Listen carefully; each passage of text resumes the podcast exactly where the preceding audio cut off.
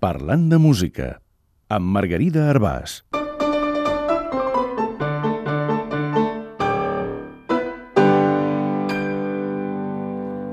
El verb tocar.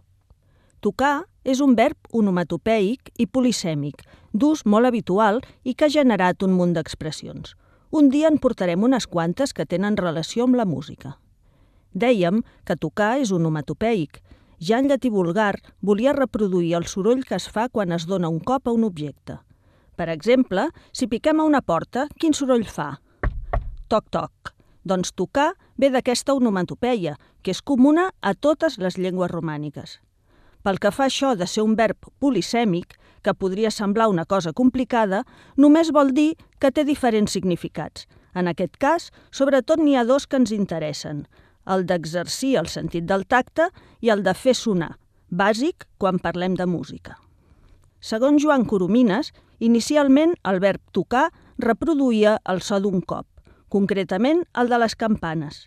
D'aquí es devia passar a tocar la porta i d'aquí a pagar. I finalment s'arriba al significat més corrent del verb ara mateix, exercir el sentit del tacte. El cas és que des del primer moment, per l'origen onomatopeic, el verb tocar està associat al so. Però a més hi ha l'excepció musical de tocar, la de fer sonar un instrument. Quan toquem un instrument ho fem precisament exercint el sentit del tacte, en general posant-hi en contacte les mans. En la interpretació de la majoria dels instruments hi estan implicats tot el cos i també la ment, però les mans en són les grans protagonistes. Pocs instruments trobarem en què no calgui fer servir les mans.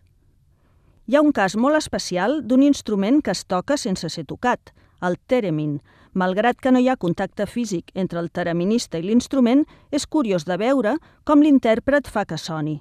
És com si amb una mà toqués un violí mentre amb l'altra amanseix una fera. O sigui que ja ho veieu, fins i tot en instruments que es toquen sense ser tocats, les mans protagonitzen gairebé sempre l'acció de tocar.